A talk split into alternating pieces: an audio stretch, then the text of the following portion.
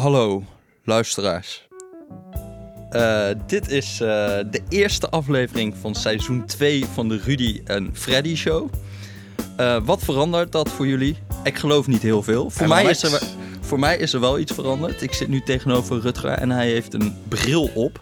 En het verhoogt toch een beetje zijn autoriteit voor mij. Ja, ik was ook in het kader van het onderwerp van deze podcast wilde ik ietsje intelligenter overkomen. Dus, Nee, ja, vergeet het, ja. ja, ja. Eh, waar gaan we het over hebben vandaag, eh, Rutger? Nou, ik dacht, volgens mij wordt het echt tijd dat we een, eh, een wat therapeutische sessie gaan doen. Ehm, jullie als luisteraars kennen ons natuurlijk, Rudy en Freddy, als echt een mannen van de wetenschap en van de ratio.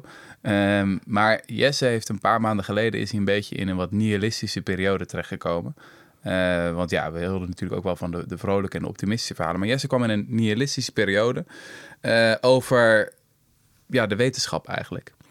Jij had er niet meer zoveel vertrouwen in. De ene na het andere artikel van we gebruiken de wetenschap verkeerd bij de correspondent. 90% van economische artikelen moeten prullenbakken in, et cetera, et cetera. Dus ik dacht, we moeten gewoon wat therapie doen. Eh, je, zit, je zit hier lekker, een beetje achterover geleund. We gaan het er gewoon eventjes over hebben. En misschien dat de luisteraars dan ook nog eh, tips kunnen geven. Want het is, ehm, ja, het is natuurlijk wel vermoeiend. Want nu moet ik elke keer ook met al mijn artikelen langs jouw bullshit checken. En dan sneuvelt ook weer de helft van mijn eh, verhalen. Oh. Eh, dus we moeten dat eens even bespreken. Oké, oké. Nou ja, jij noemt het nihilistisch, maar het is gewoon dat ik eindelijk een beetje leerde hoe die wetenschap werkte. Mhm. Ik vrees toch dat best wel veel journalisten eigenlijk meer, eh, zeg maar, de summary lezen of zo, of de, de, de abstract, gewoon de samenvatting van het artikel. Mhm. Denken van, goh, die conclusie bevalt me wel, maar niet helemaal het proces of zo. Ja, of begrijpen. nog Dat had ik zelf eigenlijk ook vaak. Of dat je al een conclusie hebt en dat je dan gaat zoeken naar Ja, precies. een artikel dat daarbij past. Ja. Ja. Misschien moeten we dan eerst even de eigen, de hand in eigen boezem steken. Heb je wat voorbeelden van artikelen in het verleden die je hebt geschreven die eigenlijk niet door de, door de bullshit detector Eh, kunnen? Nou, ik heb wel eens een eh, artikel geschreven over bedrijven zonder baas. En dat dat dan allemaal veel beter zou zijn. En toen... ehm, Dat is toch ook zo? ja, tuurlijk, Rutger. Nee, maar ja, en toen had ik, toen had ik één, eh, één artikel over... Nou, het is niet heel erg veel onderzoek naar gedaan of zo. Maar één artikel en dat ging dan over de Amerikaanse multiplex-industrie... waar dan een bepaald aantal van die bedrijven... die waren coöperatief en andere waren gewoon helemaal eh, in handen van één eigenaar... of een paar eigenaars. Eh, en die waren dan veel productiever. Maar ja, kijk, één zo'n onderzoek... eh, het is een soort, weet je, dan gebruik je het als een soort eh, eh, sausje voor je, voor je artikel, zo'n één zo'n onderzoek. Maar wat zegt het nou eigenlijk? Eigenlijk ben ik daar heel erg op teruggekomen van, als je één zo'n onderzoek aanhaalt, zegt het eigenlijk niks. Je kan altijd wel Ja, eh, een, een, een onderzoek vinden wat jouw punt bevestigt, maar je moet eigenlijk meerdere onderzoeken nemen en daar zeg maar een soort synthese van maken, voordat je echt betrouwbare conclusies kan trekken. Ja, ik heb zelf altijd geleerd van mijn favoriete twitteraar, Armin Hakverdian van de Universiteit van Amsterdam, politicoloog. Al zit hij nu geloof ik in de VS. Eh, toen was op een gegeven moment op Twitter dat een wetenschapsjournalist eh, een beetje uit de hoogte zei van... nou, wij vinden altijd als wetenschapsjournalisten... één studie is geen studie. En toen sprak hij de memorabele woorden... nou, wij van de Universiteit van Amsterdam vinden één studie altijd één studie. dat vond ik altijd wel heel... Maar dat is natuurlijk het punt. Eén studie is te weinig. Ja, één Ja. studie is eigenlijk te weinig, ja. Want wat kan je er nou eigenlijk van zeggen van één voorbeeld van de, van de multiplex-industrie? Ja. Nou goed, Ehm, Nou, ik heb het zelf nog een keer gehad toen ik had een stuk over managers, over waarom er veel te veel managers zijn in Nederland en zo. En toen, sterker nog, volgens mij gaf jij me op een gegeven moment de tip dat de TU Delft daar prachtig onderzoek naar had gedaan. Ja, ja, volgens mij, ja, sorry. Eh, verder valt er ongetwijfeld ook nog heel veel andere bullshit in mijn artikelen te vinden. Ehm, over dat managers eh, of bedrijven met meer managers, landen met meer managers, eh, minder productief zijn. ja, En dan is het grappig hoe, eh, hoe dat werkt. Dat je meteen denkt, oh, dat pracht, past prachtig in mijn theorie. eh, knallen erin. ja. Toen jij later naar de paper ging kijken, was je wat minder enthousiast. Toen je Ja, ja, ging uitpluizen. En het grappige is dat ik achteraf ook nog dacht... dat ik gewoon vrij klakkeloos een definitie van productiviteit had overgenomen. Dus Mhm. dit was gewoon economenproductiviteit. Namelijk, hoe meer geld je verdient, hoe productiever je bent. Terwijl in heel veel van mijn andere artikelen ga ik daar tegen tekeer. En dan nu was het ineens, oh, dat past er mooi bij. Ja. Maar misschien kunnen we even wat, wat, wat een beetje de, ehm, eh, de problemen zijn met wetenschap, of waar je heel erg op moet letten, kunnen we die even afgaan. Eh, Mhm. Want ik denk dat een van de eerste is gewoon de data die je gebruikt om onderzoek te doen. Dus ehm, nou ja, de, jij hebt daar natuurlijk een mooi artikel geschreven over het BBP bijvoorbeeld. Ja, gewoon puur de gegevens. Ja, puur de gegevens die je gebruikt. Ja, het BBP is dan een van de vast, meest fascinerende voorbeelden. Dus ik ben natuurlijk niet geschoold als econoom. En dan, dan kom je die wereld in, dan geef je jezelf een beetje een, een crash course. En ik viel van de ene verbazing in de andere. Namelijk gewoon de eerste, dat de, de, heilige maatstaf van vooruitgang die wij al decennia hanteren, dat dat gewoon een optelsom is van de prijs van goederen en diensten uh, die, we, die we leveren aan elkaar. En dat daar van alles uh, wordt meegerekend, ook weet ik veel. Uh, echtscheidingsadvocaten of mensen die op hol zijn geslagen tijdens de drie dagen of heel veel criminaliteit, et cetera. telt allemaal mee. Dus dat is één bezwaar. maar het andere bezwaar is dat, dat um, dat cijfer ook nog eens waanzinnig complex is om te berekenen. Dat er echt een enorme blackbox is, waar in Nederland misschien maar een paar mensen zijn die begrijpen hoe dat BBP wordt berekend. Terwijl er tegelijkertijd enorm veel van afhangt. Weet je, politici die staan... Nou, er worden scripties over geschreven natuurlijk. Ja, met de hele tijd dat BBP Eindeloos veel onderzoek. Terwijl soms heb je dan een correctie en dan is het in Nederland is het dan, gaat het eventjes omhoog met 3, 4, 5 procent. Laatst was nog, toen gingen ze de de illegale drugshandel mee rekenen. Ja. En de illegale prostitutie. En toen schoot het ook weer omhoog. Toen hadden we ineens een stuk lagere staatsschuld. Um, maar uh, misschien nog een sterker voorbeeld is wat, enorme indruk maakte op mij. Dat was een econoom, Diane Coyle, die, die vertelde van uh, dat volgens de data uit 1996 dat uh, Engeland volgens mij iets van tien recessies had gehad tussen mm -hmm. volgens mij 1950 en 1990 zoiets. Uh, en dat volgens de meest up-to-date data van 2015 of 2016, dat het nog maar zeven recessies zijn. Dus gewoon drie hele recessies zijn verdwenen door nieuwe data. En uh, ze speculeert in dat paper, speculeert ze zelfs dat Thatcher misschien wel niet aan de macht was gekomen als de data anders was geweest. Want die Labour-regering die viel toen, omdat men ook heel erg het idee had, die hele economie was in het slop geraakt. Toen moesten ze een, lening doen bij het IMF, wat heel vernederend was. Maar volgens de up-to-date data was het eigenlijk helemaal niet nodig geweest. Dus dat is zo fascinerend, dat gewoon inderdaad de onderliggende data, economische data, al zo onzeker is. Mhm. Terwijl je dan lees je in het nieuws van, economie groeit met 1,1 procent. Nou, ik neem dat allemaal totaal niet meer serieus. Ja, ja. Ik denk ook dat daar is er gewoon een beetje een probleem, vooral met ook heel veel economische data. Merk ik steeds meer dat er een hele erge scheiding is tussen de mensen die die data verzamelen en de mensen die uiteindelijk de wetenschap mee gaan doen. Want het is echt mijn indruk dat vaak die mensen die dat die dan BBP als input voor hun onderzoek en zo gebruiken, geen idee hebben wat voor veronderstellingen eraan ten grondslag leggen. En hoe vergelijkbaar die zijn tussen landen. Um, bijvoorbeeld, uh, Weet je, Sanne, die had een keer zo'n, uh, onze collega, collega Sanne, Sanne ja. die had een heel mooi eh, artikel over data in Afrika. Nou, daar is een hele literatuur over, over wat verklaart de groei in Afrika en dergelijke. Maar die uh, eh, BBP-data in Afrika. Daar is bijvoorbeeld, zij liet zien dat er in Zambia dan maar één iemand was die zeg maar verantwoordelijk was voor heel die nationale rekeningen. Dus voor, de, voor het uh, berekenen van het BBP. Ja, En als die weg was, dan ja, wat dan? En daar doen dan tientallen mensen onderzoek ja, die studeren daarop af op dat soort dingen. En, en, en, en dat er heel vaak ook hele revisies zijn. Dus omdat ze daar heel erg weinig um, uh, middelen hebben om daarin te investeren, heb je elke 15 jaar of zo doen ze weer een soort dan moeten ze de baseline weer verschuiven. Nou, lang, lang eh, technisch verhaal. Maar die verschommeling kunnen dan heel erg groot zijn. Bij Nigeria of zo was het in één keer 89% hogere economie. ja, dan, nou, dat doe je lekker als, uh, als je dan, politicus dus bent. bijvoorbeeld was daar hadden, hadden, ze, hadden ze gewoon uh, Nollywood, dus, dus hun, zeg maar, hun filmsector. Ja die, hadden, die was heel erg groot geworden in die uh, eh, 15 jaar. Maar de oude manieren van meten zat, was er nog geen Nollywood. Dus er werd de filmindustrie nog niet meegenomen. Nou, dat kwam er dan wel in. En dan steeg in één keer dat BBP enorm. Ja. Maar ondertussen zijn dus gewoon, is al die data wel als input gebruikt voor allemaal onderzoek. Dat misschien bij een revisie daar helemaal niet meer, uh, niks meer van klopt. Ja. Nou, Sanne had daar in haar TED-talk, die uh, je trouwens zeker moet gaan bekijken... Um, had ze een hele mooie term voor. Dat het heeft over de, de overconfident decimal point. Dus de, de, de komma met te veel vertrouwen. Ja. Uh, die, die soort van schijnprecisie uitstraalt. Maar toen dacht ik, volgens mij is dat echt niet alleen in, in uh, economisch onderzoek, maar ook iets als breinscans of zo. Weet je? Mhm. Dat suggereert ook zo vaak van, ja, we hebben gemeten dat daar meer zuurstof naartoe vloeit of bloed of weet ik veel wat. Mhm. En dat betekent dat dat geassocieerd is met deze activiteit, et cetera.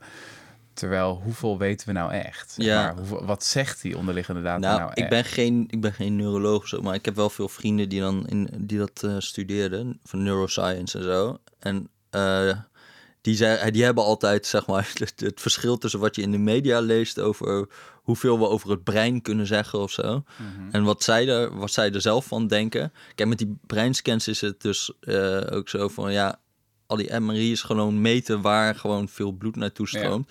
Maar dat zegt niet dat daar de activiteit ook is. Of dat het daar gebeurt. Dat is een Ja. aanname die ze maken. Maar dat weten ze eigenlijk het is een beetje helemaal hetzelfde niet als je, je een scan maakt van een computer en je ziet dat er veel stroom naar een bepaald hardwareonderdeel vloeit en dan zegt, Dat is waar het gebeurt. ja, en dat je dan ook de software van de computer zou begrijpen. Of zo. Ja. Of is- Ja, nou volgens mij is daar zelfs een soort, eh de, de, is mij verteld, zo'n paper over, dat ze dat dus gaan doen. Gewoon de neurologische methode toepassen op een computer. Echt? en, dan, en dan kijken wat dan de uitkomsten zijn, want die zijn volstrekt absurd. Ja.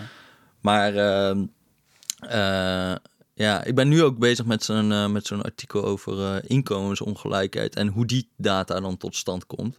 En we- dat is eigenlijk telkens gewoon een beetje de eh, desillusie die je dan hebt van hoe vergelijkbaar die data zijn tussen landen en zo. Dus bijvoorbeeld in Nederland, nou, tot 2011 meten we gewoon vermogens door peilingen te doen. En het probleem met peilingen is dat omdat vermogens zeg maar vooral bij de top 1% zitten. Dus we vragen aan mensen, eh bel eens op, zeggen hallo, eh, Frits van het CBS aan de ja, lijn. Ja, hoeveel heeft u op de bankrekening staan? ja, ja. En Dat is hoe het of- werkt. Of gewoon een vragenlijstje afgaan van oké, Ja. hoeveel is je huis waard, hoeveel is dit waard, hoeveel... Ja, Ja. nee, natuurlijk onderschat je het dan. Ja, maar dus vooral aan de top van de top, want die, zijn niet, die hebben hele grote non-respons. Dus die reageren gewoon veel minder dan, eh, dan de rest. Hm. En omdat als je daar een paar mensen van mist, omdat het zo geconcentreerd is aan de top, dan ga je een hele grote onderschatting doen. Hm. Dus wat je ook zag is toen, toen ze dan in 2011 gingen ze overstappen op een nieuwe methode. En dat was dat je gewoon belastinggegevens gebruikt. Want dat is de revolutie van eh, Piketty, toch? Ja, ja dus Dat steeds dat meer vooral is van wat, wat hem uiteindelijk beroemd heeft gemaakt. Wat hem ervoor zorgde dat hij met nieuwe schokkende data kwam. Ja, ja, ja. Dat, eh, en, maar daardoor, dus toen we, toen we dat deden, toen steeg ook in één keer het eh, vermogen van de Ja, rijkste 1% ja, ja, met ja. 15 miljard of zo. Maar het punt is, er zijn nog heel veel landen in de wereld die nog survey of die nog peilingen gebruiken. En andere landen die belastinggegevens gebruiken. Ja, hoe vergelijkbaar zijn al die data dan met elkaar? Ja, Dat gebeurt nu wel heel veel. Dus Piketty en zo, die proberen grote databases aan te leggen waarin één eenduidige methode wordt gebruikt. Maar je ziet het toch heel vaak langskomen in de media, allemaal vergelijkingen waarvan je niet helemaal zeker weet of ze wel, eh, of ze wel opgaan. En met belastinggegevens zijn weer allemaal andere gebreken. Eh, bijvoorbeeld, wat, nu was zo'n eh, nieuw paper van eh Gabriel Zoekman. Dat is een eh, student van ehm, Piketty. een student van. PIC die hele interessante dingen schrijft die over belastingontduiking. Nou, als jij belastinggegevens gebruikt, dan is het eigenlijk evident dat alles wat niet is aangegeven bij de Belastingdienst, dat wordt ook niet gezien. Ehm, dus belastingontduiking, nou, dat is gewoon als je vermogen niet aangeeft bij de be- Belastingdienst, dat wordt ook niet gezien. Nee. En hij laat eigenlijk zien dat belastingontduiking op basis van al die leks, dus die Panama Papers had je, je had eh, van een Zwitserse bank al een lek, eh laten eigenlijk zien dat al dat vermogen heel erg geconcentreerd is aan de top. En als je dat meerekent, dan is de, het vermogensaandeel van de top 1% ook bijna de helft hoger. De helft. De helft. Dus, Dus de enorm. vermogensongelijkheid is nog veel groter dan we hadden gedacht. Ja, ja, ja. Ze- ja ze- eh, hij doet het dus alleen voor Noorwegen. Maar Nou, dat dat past vind weer helemaal in mijn wereldbeeld. Dus het zal wel kloppen, toch? Ja. ja, ja, ja. ja. maar wat, wat was zijn bevinding? Eh, dat het in Noorwegen ging het van 8% van al het vermogen, had de top 1%, maar dan ging het naar 12 ineens. Zo. Dus dat is, dat is best wel fors. Ja. Want volgens mij is het in Amerika is het 18 of zo. Ja, en dat is ook lang jouw punt geweest, toch? Dat het CBS in Nederland de, de inkomensongelijkheid onderschat. De, maar de vermogensongelijkheid dus misschien Ja, ook. vermogensongelijkheid ook. Ja, nou, en er zijn nog veel meer dingen waarom, waarom je dat kan verwachten. Maar het punt is ook, omdat je belastinggegevens gebruikt, elk belastingstelsel is anders. Dus je hebt allemaal andere prikkels om inkomen om te vormen in een andere vorm van inkomen. Of bijvoorbeeld inkomen in je bedrijf te laten zitten. En dan wordt het, komt het nooit, zeg maar, in die statistiek. Ja. En alle, er zijn zoveel verschillen internationaal dat het heel moeilijk is om die data uiteindelijk te vergelijken. Goed, oké. dus dit is, dit is één ding dat we gewoon sceptisch zijn over die hele droom van big data. En dat we steeds meer gegevens gaan verzamelen. En dat we daardoor steeds meer gaan begrijpen van die wereld. Heel veel data is gewoon een rotzootje. Dat we helemaal niet precies. Ja, nou ja, en er zitten heel veel veronderstellingen aan de grondslag. Dat is Ja. vooral wat je. En je moet niet vergeten wa- wat die veronderstellingen zijn. Want data, daar heeft ook een theorie nodig. Als, wij, als we het hebben over het BBP, dan moeten wij gaan vertellen wat valt onder productie en wat ja, valt wat niet onder productie. Ja. Ja. En dat is, dat is gewoon een theorie. Dat is een, en, en, en als wij gaan zeggen, we dat- vinden dat- huishoudelijk werk geen, geen productie, maar we vinden eh, schoonmaakwerk wel productie als je ervoor betaald wordt of zo, weet ik het. Ja. Dan, dan, dan is dat een theorie. En daar komt data uit voort.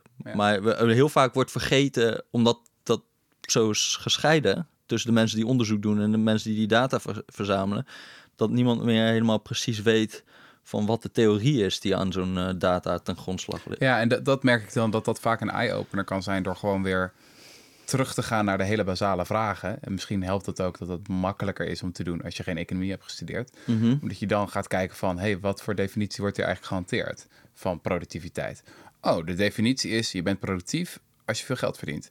Huh? Maar daar ben ik het helemaal niet mee eens. Dat vind ik een onzin-definitie. Oh, nou, dan kan je nu die, die hele bak wetenschap in de prullenbak gooien en weer opnieuw beginnen. Mhm. Met hele fundamentele vragen over Mhm. wat is waar en wat is welvaart.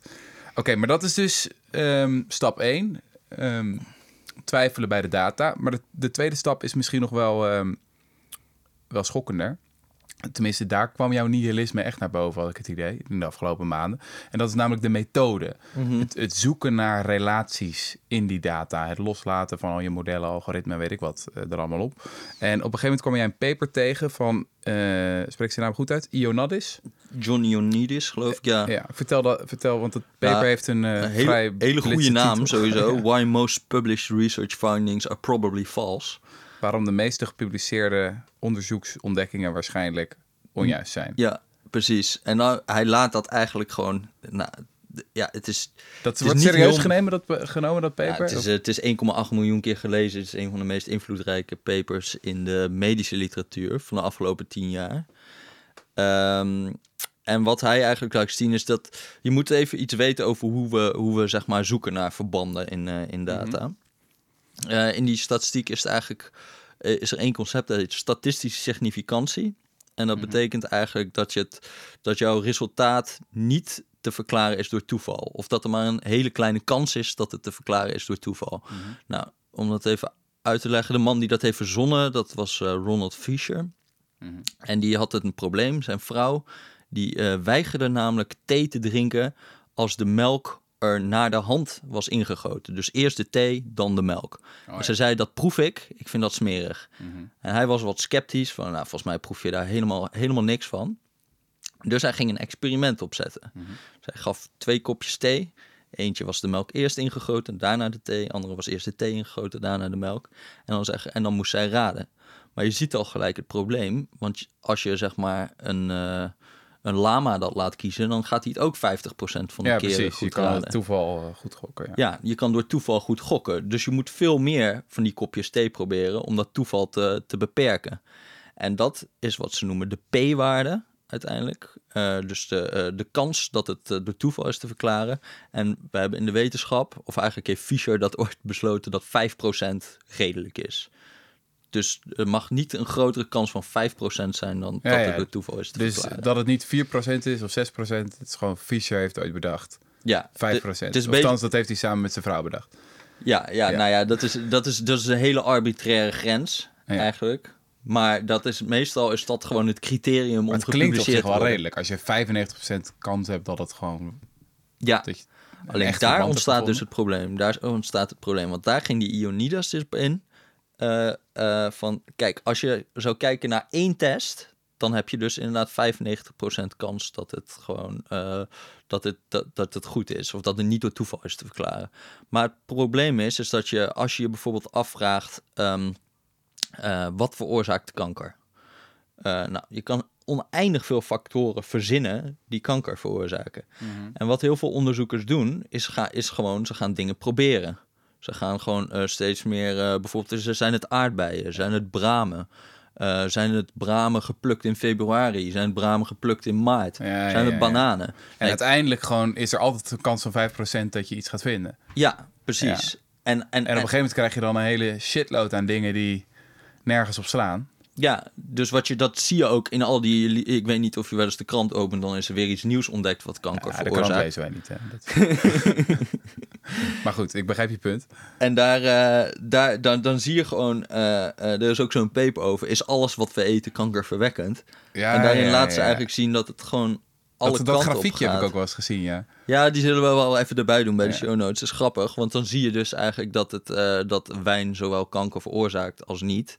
En eigenlijk bijna bij elk eten is ja, dat ja dus je moet, je moet eerst een glas wijn nemen en dan krijg je dan misschien kanker van. Maar dan, als je dan gewoon nog een glas neemt, dan heb je het weer... Ja, ja, ja, ja, ja, dan is het weer goed. Oh, dat is een prachtige theorie. Eh, maar dat is, kijk, het probleem is dus, dat, dat, is, dat is wel een beetje paradoxaal ook, dat omdat we tegenwoordig steeds meer data hebben, steeds grotere datasets eh, beschikbaar hebben, eh, is het ook steeds makkelijker om allemaal dingen te gaan testen. Ja, we hebben steeds meer computerkrachten ook om het te doen. Ja, precies. dus alles vroeger testen. moest je echt met een blokje al die statistische tests doen. Nu gooi je het gewoon in een programma en gaan. Dus een van de dingen bijvoorbeeld in mijn vakgebied van wat verklaart de beurskoersen? Wat verklaart dat, eh, dat sommige aandelen meer waard zijn dan andere?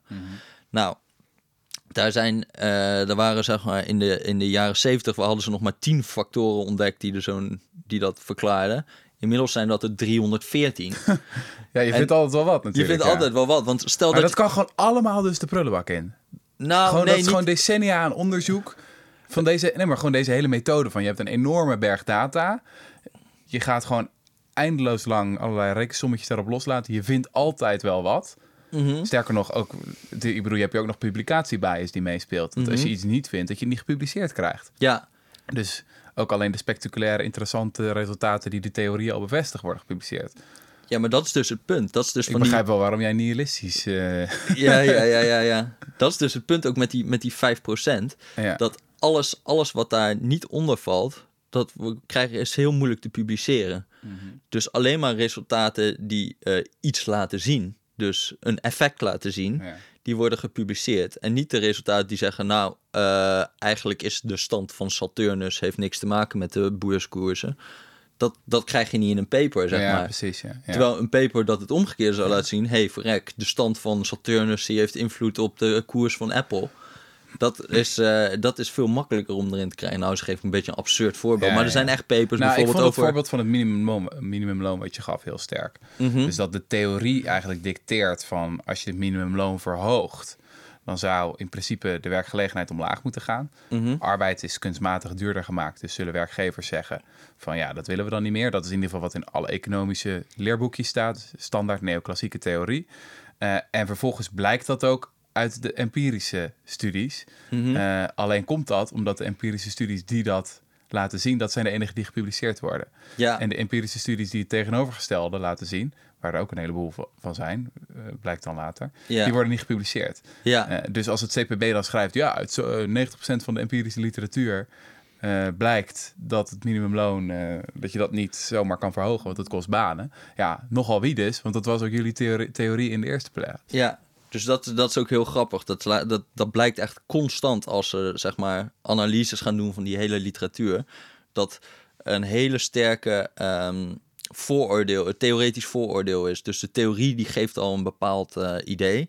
En alle empirische resultaten worden ook alleen maar gepubliceerd als ze kloppen met die theorie. Eh, dat was heel grappig. Ze hebben bij de Wereldbank hadden ze een keer eh, een onderzoekje intern gedaan aan Wereldbank-medewerkers. Hadden ze twee keer precies hetzelfde data voorgelegd. In de ene ging het over de effectiviteit van het minimumloon. De andere ging het over de effectiviteit van een bepaalde huidcrème. En je zag gewoon een enorm verschil tussen of ze het geloofden of niet. Ja, ja, ja. Terwijl, dat, Ja. terwijl, dat, terwijl dat precies dezelfde data was in principe. Maar omdat mensen veel meer geneigd zijn om te geloven dat zo'n minimumloon. Oh ja, dus eh, dan zou je eigenlijk de, huidonderzoekers zou je het economisch onderzoek moeten laten doen. En de economen moeten dan voortaan maar huidonderzoek Ja, doen. precies. Dan Ja, hebben ze hun biases niet meer. eh. ja, ja Nou, precies. hebben we dat ook weer opgelost. Ehm, iets waar ik, waar ik nog mee zat, maar waar ik dus ook weer van geschrokken ben, wat ook alweer is gevallen in jouw eh, ni- nihilistische woede, is eh, powerposing. Eh, je kent mij natuurlijk ook weer als een, als een, als een man die, die daarvan houdt. Dus ik heb wekenlang eh, in allerlei eh superheldenhoudingen gestaan, s ochtends voor de spiegel. Mhm. Ehm, en dat bleek ook nog eens door de wet- wetenschap gestaat. Het is een van de meest, meest bekeken TED-talks ooit, toch? 28 van, miljoen keer. Weet je ook waar Amy Cuddy zo? ja, Amy Cuddy. Ja, ja. Ehm, en de theorie van haar was van... ehm, niet alleen beïnvloedt ons lichaam ons lijf... maar kan ons lijf ook ons... of sorry, onze, onze geest ons lijf... maar ook kan ons lijf ook onze geest beïnvloeden. Mm. Door in een hele krachtige houding te gaan staan... krijg je meer testosteron, geloof ik. Ja, En dan word je sterker van, krachtiger en ja, zo. meer zelfvertrouwen. Ja. Ja. Nou, dit is eigenlijk volgens mij een beetje het schoolvoorbeeld geworden van wat allemaal mis is met die psychologie of met van die sociale psychologie Ja. eh, dingen. Ehm, dat power posing, daar zijn nu inmiddels zijn echt heel veel replicaties geweest, dus dat mensen het onderzoek nog een keer over gaan doen. ja. Want het was al een heel klein onderzoek. Ik weet niet hoeveel mensen waren, 30 of 40 of zo, hebben ze geloof ik getest bij Ja. dit eerste onderzoek. Eh, en op basis daarvan hadden ze zeg maar zo'n hele, nou, een hele TED-talk begonnen, zo'n beetje. Maar eh, inmiddels zijn dat, is dat heel vaak eh, overnieuw gedaan, dat powerposing. En dan blijkt eigenlijk gewoon niks. Ik bedoel, er, er komt geen resultaat uit. Ehm, en vreemd genoeg houdt die kuddy houdt gewoon vol dat, dat, het wel bestaat. Je kan ook niet meer anders. Volgens mij als je een heel boek hebt geschreven en 28 miljoen keer bent bekeken Ja. op eh, TED. Haar, haar co-auteur van die oorspronkelijke studie heeft nu wel gezegd van... Oké, het slaat eigenlijk helemaal nergens op. En we moeten echt nooit meer 1 dollar besteden aan nog meer onderzoek hieraan. Ja. Ja, Maar, het is fascinerend. Maar mensen willen dat zo graag geloven. Daar heb ik ook over na zitten denken waarom dit zo populair is. Mhm. Maar het is zo'n heerlijke quick fix. Dat als je alleen een andere houding aanneemt, dat je dan ook meer zelfvertrouwen kan krijgen. mhm. Het past misschien ook heel erg bij, ik weet niet, meer de, de Amerikaanse mindset of zo. Van dat je vooral net moet doen alsof je iets kan, alsof je ja. eh, slim, intelligent, moedig bent. En dat het dan later, dan komt het vanzelf wel of zo. ja, ja, een soort karma-ding of zo.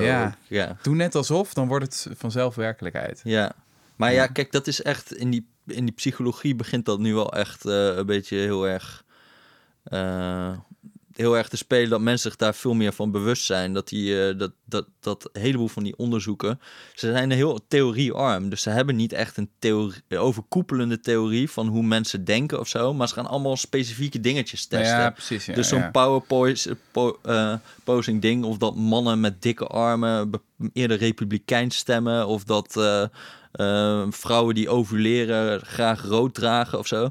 Je kan echt, dat, dat soort onderzoeken worden gewoon gepubliceerd. En ja, En dat interesseert eigenlijk ook geen klap. Dus dat is ook niet heel erg als het dan niet gerepliceerd wordt. Ik bedoel, er zijn een paar eh, stukken die ik in de afgelopen tijd heb geschreven met psychologisch onderzoek. Eén over intrinsieke motivatie Ja. en de ander over het Pygmalion-effect. Dat de manier waarop we mensen eh, behandelen in hele subtiele manieren, ehm, dat dat ook hun prestaties eh, kan beïnvloeden. Dus als we op subtiele manieren mensen vertrouwen geven, dat ze dat hen ook ja, beter laat presteren. Ehm, en dat vind ik hele belangrijke eh, inzichten, die volgens mij ook echt je beleid kunnen veranderen. Maar dat zijn volgens studies waar je berg en meta-onderzoek aan hebt. En natuurlijk zitten daar ook nuances op, et cetera. Maar volgens mij kan je dat niet zomaar even kapot repliceren. Dat het een, een nou, het is, ge, het is vaak gerepliceerd. Dat, Ja. is ook, eh, dat is ook het punt. Maar heel veel van, die, van dat onderzoek, eh, ze hadden, ze hadden een tijdje geleden, en dat, ik weet niet, daar hebben misschien sommigen wel meegekregen, hadden ze in de psychologie gewoon random een paar studies uit de meest prominente eh, tijdschriften in de psychologie genomen. En geprobeerd om die te repliceren, dus om die nog een keer over te doen. Mhm. Ik weet niet meer precies hoeveel, maar ik geloof drie vierde of zo repliceerde niet. Dus Mhm. konden ze niet nog een keer hetzelfde effect eh, krijgen. Eh, nou, dat is best schokkend eigenlijk. Eh, of nou ja, het ligt eraan of het schokkend is of niet. Dus het ligt ook aan je verwachtingen natuurlijk. Ehm, maar ja, dan, dan, dan het, het suggereert in ieder geval dat je het eigenlijk vaker moet doen, dat repliceren, om nog een keer onderzoek over te doen. Ja. En niet, want dat is een beetje het probleem ook met de wetenschap. We zijn helemaal verslaafd aan nieuwigheid. Eh, maar eh, je hebt, je, e- eigenlijk is dat repliceren, dat gewoon nog een keer doen wat al is uitgevonden om echt het bewijs te laten opstapelen. Dat is eh, eigenlijk heel belangrijk werk. Ehm, Ja, en dat is misschien, ik bedoel, dat is ook de journalistieke verslaving natuurlijk.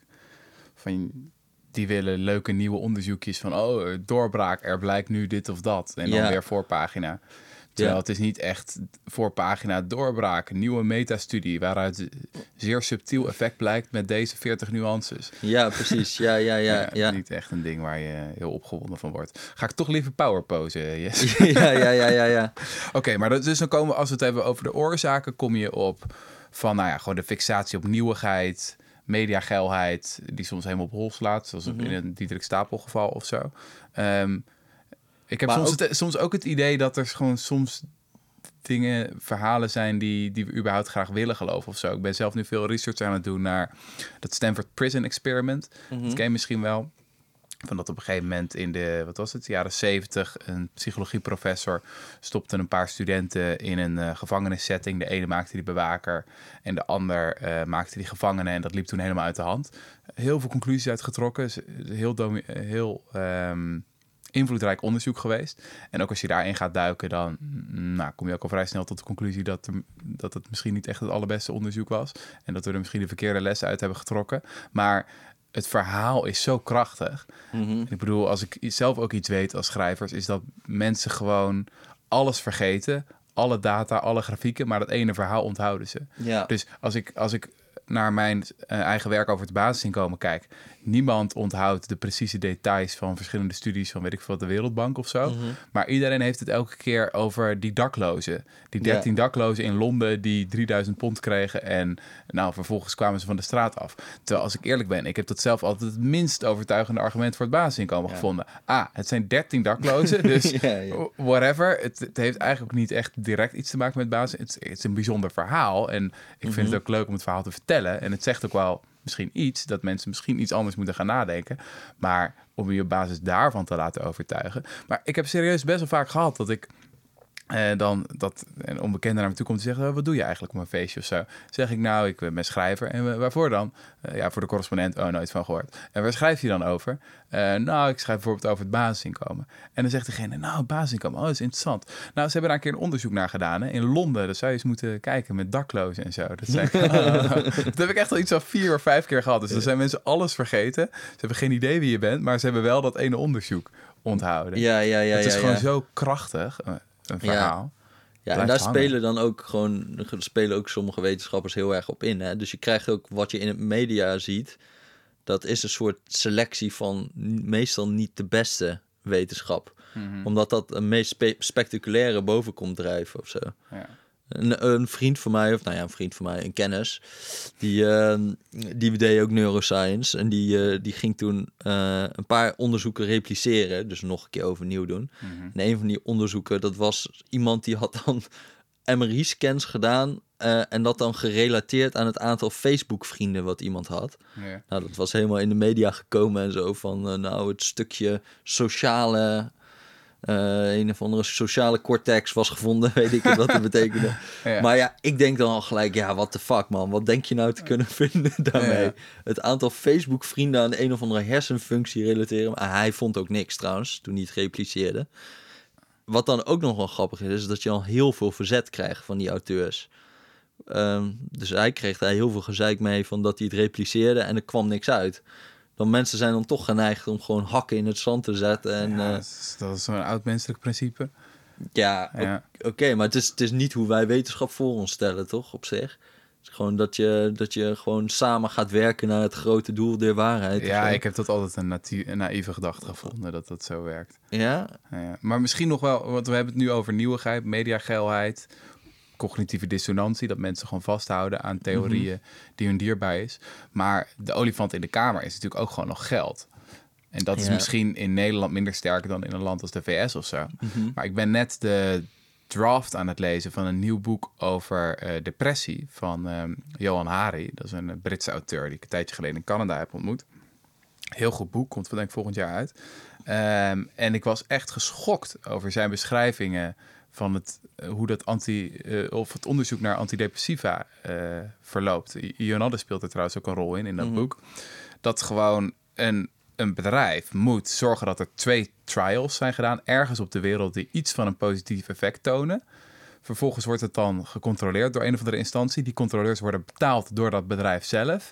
En dan mag het de markt op. Mhm. En eh, hij vertelt dan dat hij dece- of jaren heeft hij een bedrijf eh, of een, een pil geslikt die speciaal gemaakt is voor ehm, eh, jongeren met depressie. En dat er ook ander onderzoek was waaruit blijkt dat het eh, niet of zelfs slecht werkte met Mhm. allerlei bijwerkingen. Weet je, het gaat wel echt ergens over. Dit zijn gewoon mensen die gewoon Ja, eh, jaren dingen aan het slikken zijn die misschien helemaal niet goed of juist slecht werken. ja. Eh, en dat vond ik echt, als je, als je in dat onderzoek duikt, dat gewoon heel veel antidepressiva heel weinig werken. Terwijl als je een beetje rondvraagt bij, me- bij de meeste mensen, ik heb het zelf afgelopen week gedaan, is dat de meeste mensen zeggen van, nou, als je depressief bent, is gewoon gebrek aan een bepaald stofje in een brein en dan moet je gewoon net zo lang zoeken tot, tot je de pil hebt die het juiste stofje weer geeft. Nou, wetenschappelijk gezien is het echt bullshit. ja. Ehm, maar dat is zo dominant en de, en de financiële belangen die daarachter zitten zijn enorm. Ja, wat ik nog meest, ik heb dat ook, eh, ik heb dat ook een keer voor een artikel wat ik nooit heb geschreven gezien, is ook van die eh, dat die placebo-respons zo bizar hoog is. Dus als jij zeg maar eh, een nepmedicijn krijgt bij depressie, ehm, dan is de placebo-respons is 82% van de respons bij een echt medicijn. Dus 82% van de mensen die herstelt dan of, of die dat medicijn krijgen, die herstelt eigenlijk gewoon puur omdat ze de illusie hebben dat ze behandeld worden.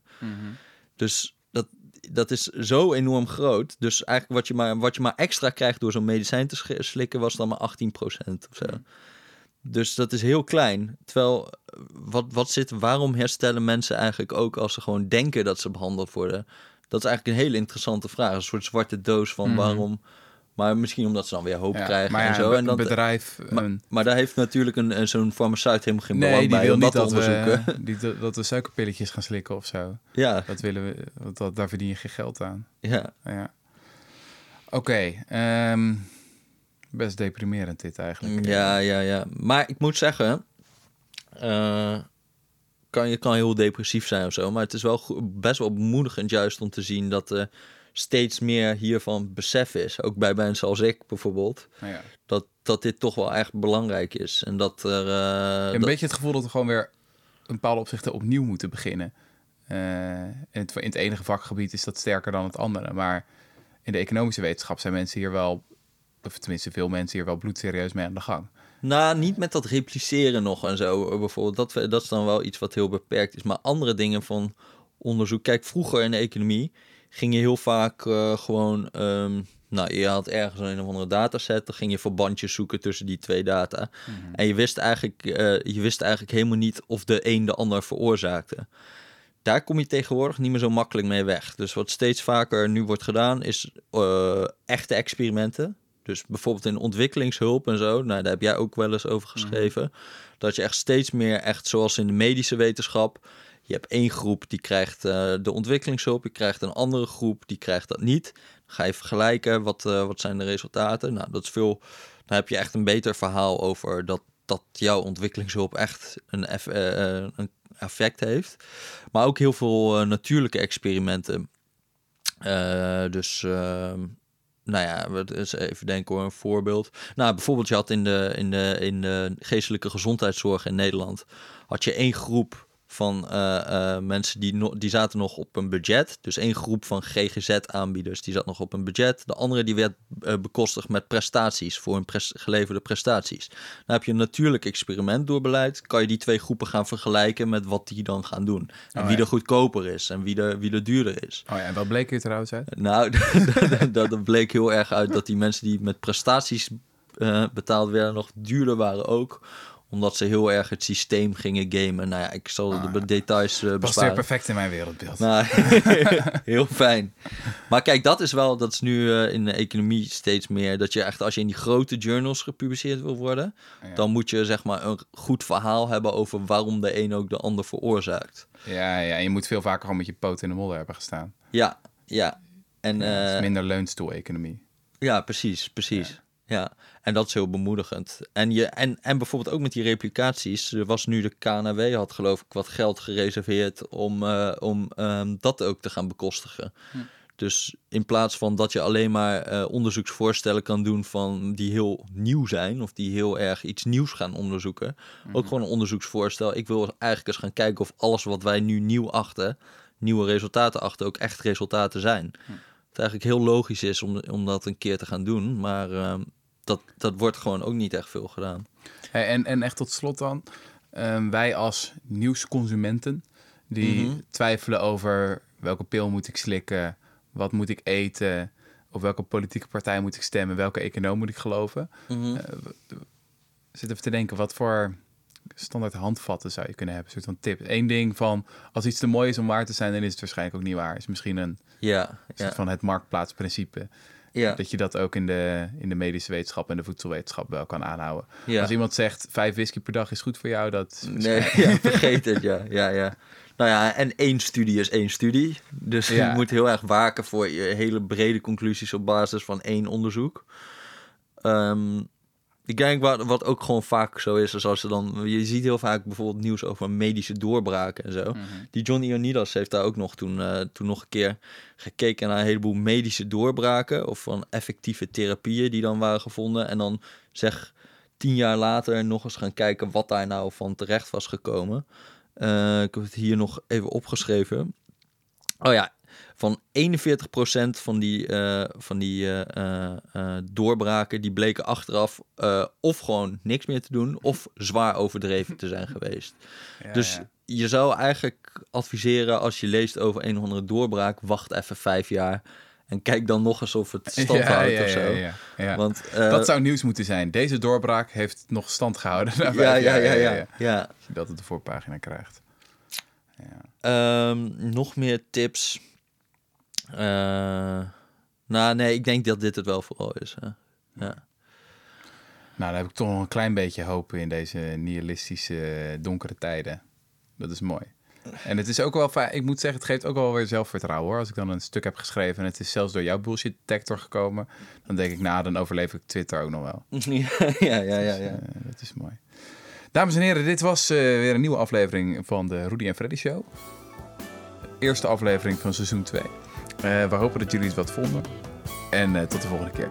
Tabé. Groetjes. Was niet eens zo heel incoherent.